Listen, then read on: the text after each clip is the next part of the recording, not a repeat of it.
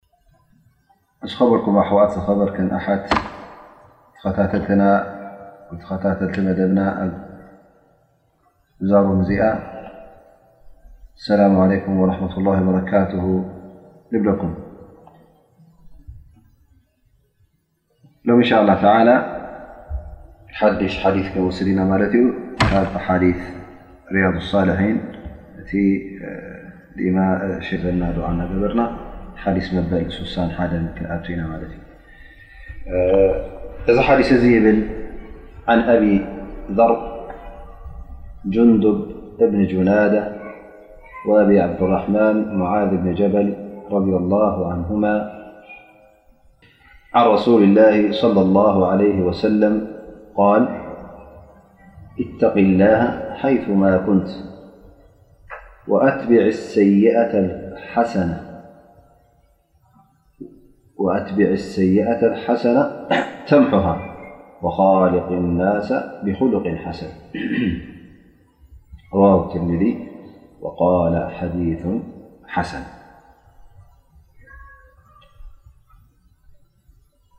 ذ حديث بحر بل ة نا النبي صلى الله عليه وسلم بل نمعذ بن جبل ኣብ ዘለኻሊኻስ ንጎይታ ንኣላ ስብሓን ወተላ ፍርሃዮ ንኡ ተቕዋ ግበር ካብኡ ተጠንቀቕ ንእከይ ድማ ብሰናይ ኣኸትላ ምእንቲ ክድምስሳ ንደቂ ሰብ እውን ብሰናይ ስነምግባር ብኡ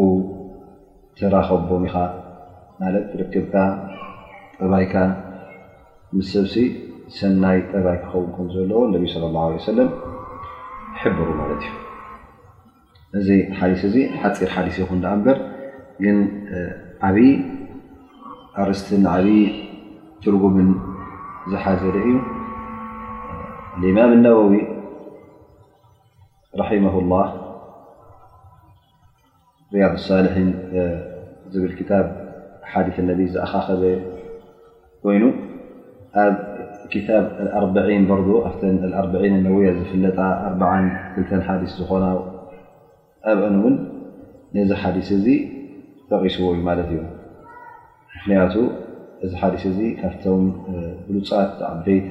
ትርጉም ዝሓዘሉ ሓዲስ ስለ ዝኾነ ኣብቲ ክታብ ኣርበዒን ነዊሕ ነዊሕ ኣስፊርዎ እንደገና እውን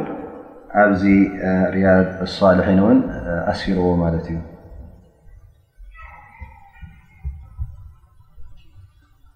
እዚ ሓዲስ እዚ ሰለስተ ወሳያ ሰለስተ ሕድሪ ዝሓዘ ዓበይቲ ዝኾና ሕድሪ ኩላህና ክንግደሰለን ዘለና ሕድሪታት እየን እሞ ፅን ኢልና ድኣ ሎሚ መዓልቲ እንሻ ኣላ ንሰምዕ ካብአን ድማ እንሻ ኣላ ፋይዳ ከይረኸብና ኣይክንተርፍን ኢና።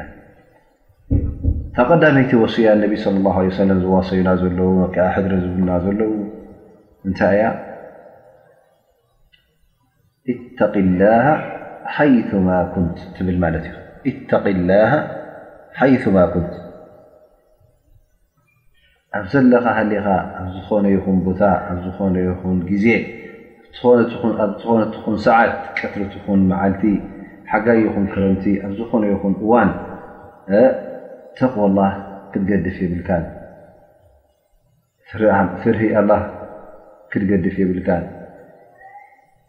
ካብ ጎይታኻ ምጥንቃቕ ክትርስዕ የብልካን።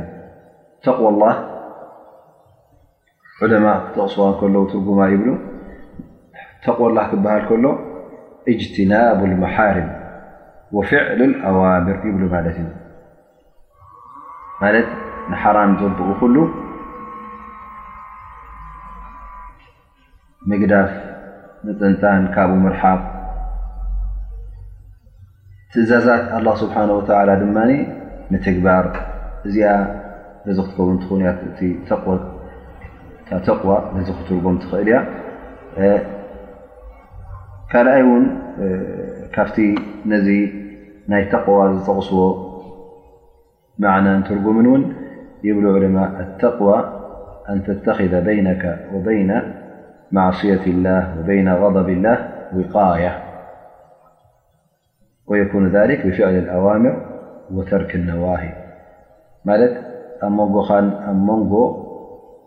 ቁጣዐ ኣላህን መቕፃዕቲ ኣላህንሲ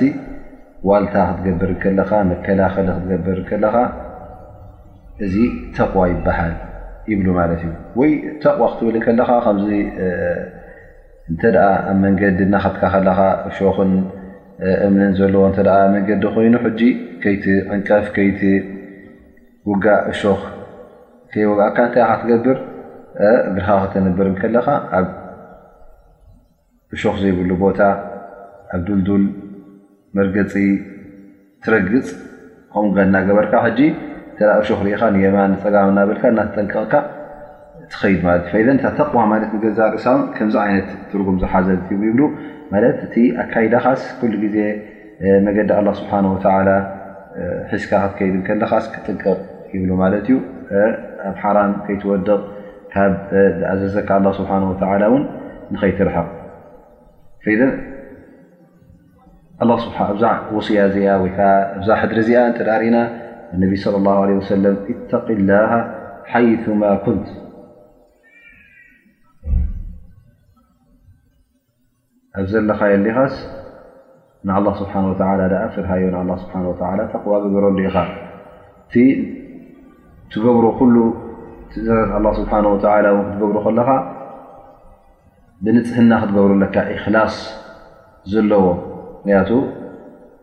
ትእዛዝ ክትፍፅም ከለኻ ትእዛዝ ኣላ ስብሓን ወተላ ንዕኡ ኢልካ ንኣላ ስብሓን ወተላ ጥራይካ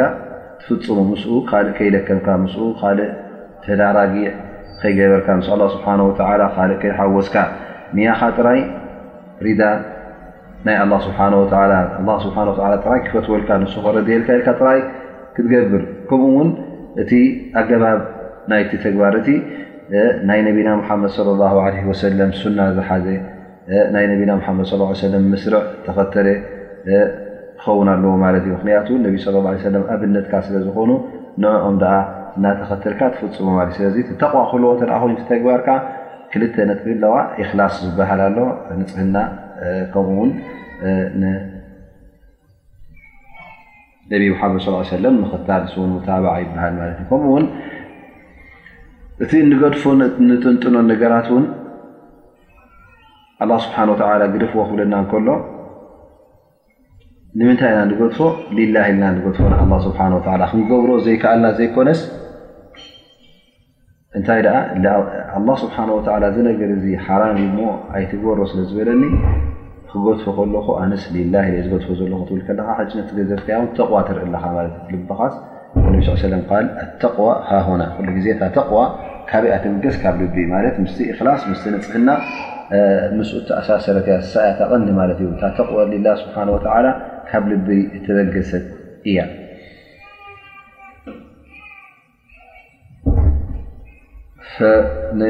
ሕጂ ነቲ ንገድፎ ነገራትን ነቲ ንትግብሮን ኩሉ እቲ ቀንዲ ነገር እክላስ ዘለዎ ንፅህና ዘለዎ ክኸውን ኣሎ ማለት እዩ ካብቲ ኣላ ስብሓን ወላ ሓራም ዘብኡ ዝኸልከለና ካብኡ ክንክልከል ከለና ካብ ነቲ ኣ ስብሓ ግብሮ ዋጅብ እዩ ዝበለና ሕጂ ኩሉ ብከምዚ ንሕዞ ማለት እዩ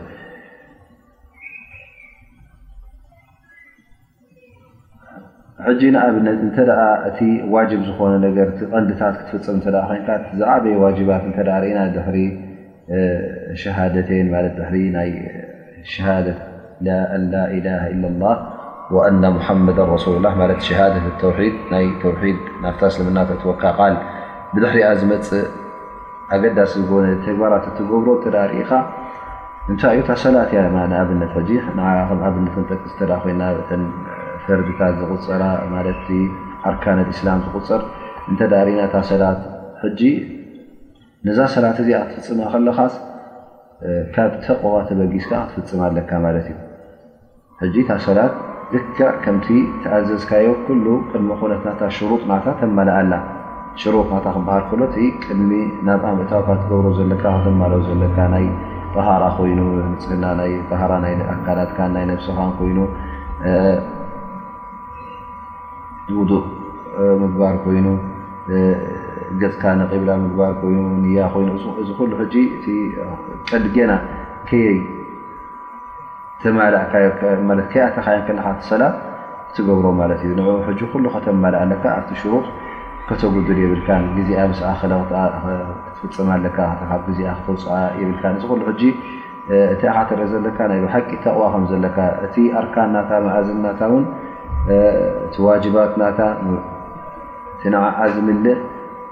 ኩሉ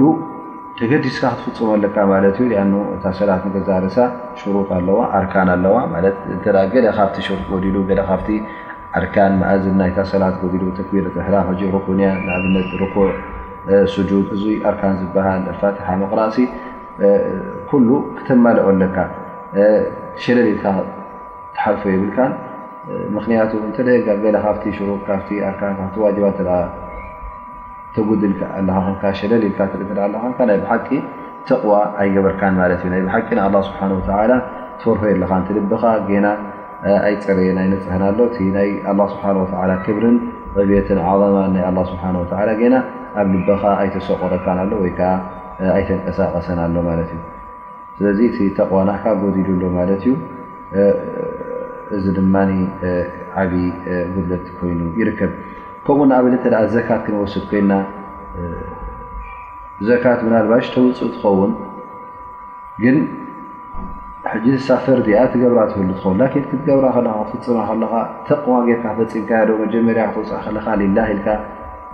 ሰብ ንኸይብሉኻ ወይ ከዓ ንረኣይ ደይ ከይኮነ ቀዳማይ ነገር እዚ ካልኣይ ተቕዋናካ ድማ እቲ ገንዘብካ ብደንቢ ክትፅብፅቦን ክትቆፅሮን ከለካ ውን እዚ ተቕዋ ትርለካ ማለት ምክንያቱ ኩሉ ገንዘብካ ክትፅብፅብ ከለካ ገለ ከይረሳዕካ ገለ ከይትረፍካ ሞተን ዘካት ዝወፃስ ካብ ክንዲዚ ክንዲዚ እየን ኢልካ እቲ ዘለካ ንብረት ኩሉ ኣዓሪኻ ትፅብፅቦ ከለካ እዚ ሕጂ ተቕዋ ትገብር ኣለካ ማለት እዩ ድሕሪኡ ውን እተን ገንዘብ ተውፅኦን ዘለኻ እተን ፅቡቓት ዝኾና ንፁሃት ዝኾና ዲኻ ተውፅእ ወይስ ካብተን ኣባጊዕካ ካብተን ጥሪትካ ዝዓበረት ትመርፅ ካብቲ እኽሊ ተውፅኦ ዝሃጎጎን ተበላሸወን ንዘካት ኢልካ ተውፅእ ወይ ከዓ ከምዚ ዝኣመሰለ ኣብ ክሊ ነቲ ጠይብ ዝኾነ ፅቡቕ ዝኾነ ንላ ስብሓን ወላ ጠይቡን ላ የቅበሉ ኢላ ጠይበን ስብሓን ወላ ጠይብ እዩ ምኡዝ እዩ ስብሓን ወላ ሙሉእ ዘይጉዱል እዩ እሞ ኩሉ ግዜ እቲ ንኣላ ሊላ ኢልካ ተውፅኦስ ፅቡቕ ክኸውን ኣለዎ ቅቡል ክኸውን ኣለዋ ማለት እዩ ኣብ ርእሲኡ እውን እቲ ከተውፅኦ ከለካ ደሲ እኳ ክወፅ ከሎ ማለት ዘካት ከተውፅ ከለካ እንተ እናሕመመካ እና ኣሳቀየካ ተውፅ ኣለካ ኮይንካ እዚኣ እታ ተቕዋ ጎዲላ ኣላ ማለት እዩ ኣበላ ተቕዋ ዓክስ እተ ክትውፅእ ከለኻ ትሕጎስ ኮይንካ ደስ ዝብለካ እንተ ኮይኑ ካብ ግዚኡ ከየደንጉኻዮ ካብ ቁፅሩ ከየጉደልካዮ እሞ ከዓ ደስ ኢሉካ ከተውፅኦ ከለኻ እዚ እዩ ንሀልካ ደኣሲ እቲ ናይ ብሓቂ ተቕዋ ኣለዎ ዝበሃል ሰብ ኣማ እና ሕመመካ ከሎ ወይከዓ እና ፀላእካዮ ከለኻ ተውፅእ ኣለኻ ኣላ ዓለም ስኻ ተቕዋ ዝበሃል ናይ ብሓቂ ኣይተረክበን ስለዚ ኣብ ኩሉ ክንማልእ ኣለና ማለት እዩ ዛተ ቕዋስ እተቂላ ሓይትማ ኮንካ ክብና ሉ ነቢና ሓመድ ለ ላ ለ ወሰለም በዚ ዓይነት ተረድኦ ዳኣ ንረዳ እያ ማለት እየ ከምኡውን ኣብ ፆም እተ ክንሓልፍ ኮይና እቲ ዘካ ጠቂስናዮ ኢና ማለት እዩ ከመይ ገርና ተቕዋ ከምንገብር ኣብ ዘካ ኣብ ሰላትና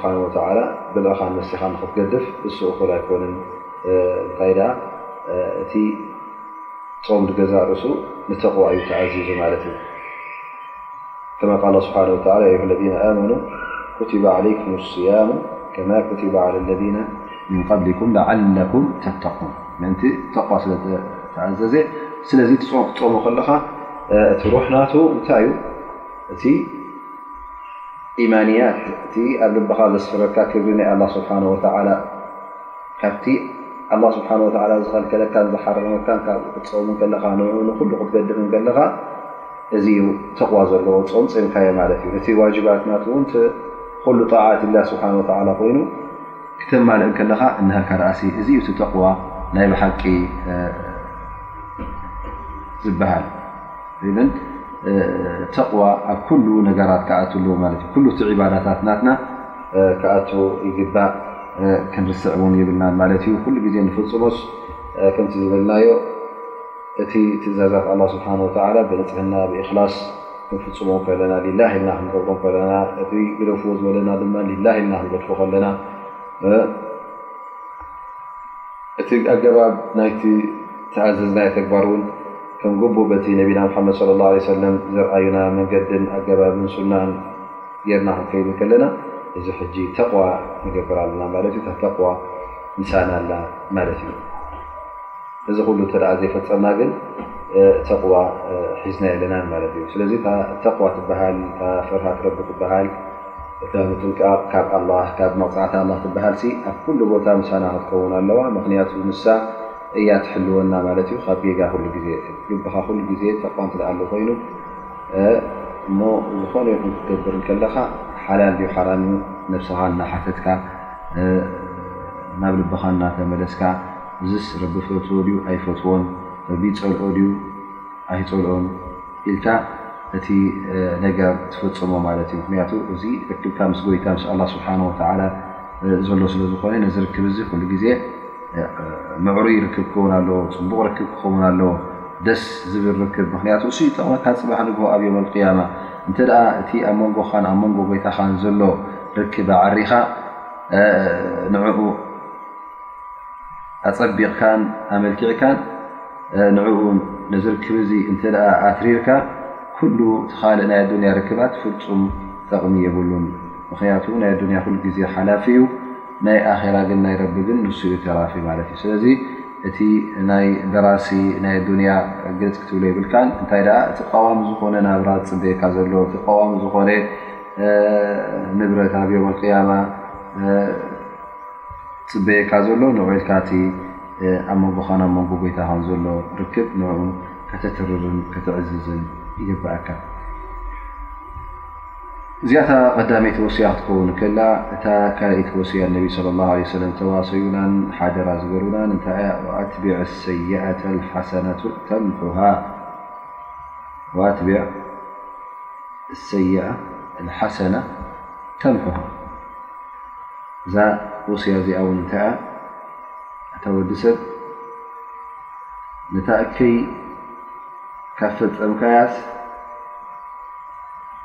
ሰናይ ዳኣ ኣኸትላ ኢኻ ብድሕሪኣ ሰናይ ነገር ፈፅም ኢኻ ምእንቲ ምንታይ ምእንቲ እታ ጌጋ ዝፈፀምካያ እታ ዘንቢ ዝገበርካያስ ምእንቲ ክድምሰሰካ ስለዚ ሓደ ሰብ እንተ ሕማቕ ገይሩ እተ ዘንቢ ፈፂሙ ተጓይ እንታይ ክገብር ዘለዎ ነዛ ዝገበራ ጌጋ ክድምስሳ ክፍትን ኣለዎ ማለት እዩ ብምንታይ ይደምስሳ መደምሰሲኣ እንታይ እዩ ኩሉ ነገር መደምሰሲ ኣለዎ ርስሓት ብማይ ተሓፅቦ ላቢስ ብመደምሰሲ ዝፅሓፍካዮ እተ ኣሎ ኮይኑ ብላቢስ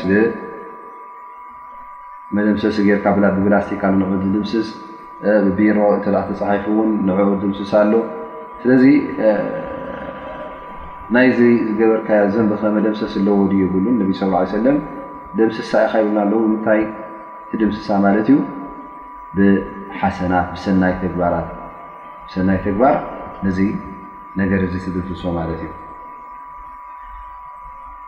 ቲቐንዲ መደምሰሲ ከዓ ቶባ እዩ ታሰናይ ቐንዲ ሰናይ ሕማቕ ንዘንቢ ንገበን ሓጢኣት ትድምስስ ንሳሐን ቶባን እያ ማለት እዩ ናብ ኣላ ስብሓን ወላ ክትምለስ ከለኻ ክትናሳሓ ከለኻ ካብቲ ዝፈፀምካዮ ገበናት ቶባ ክትብል ከለኻ እዚኣ ካብቲ ዝበለፀ ሓሰናት ትኸውን ማለት እዩ ኣላ ስብሓን ወላ ይሕቡ ተዋቢን ን ይሕቡ ተዋቢን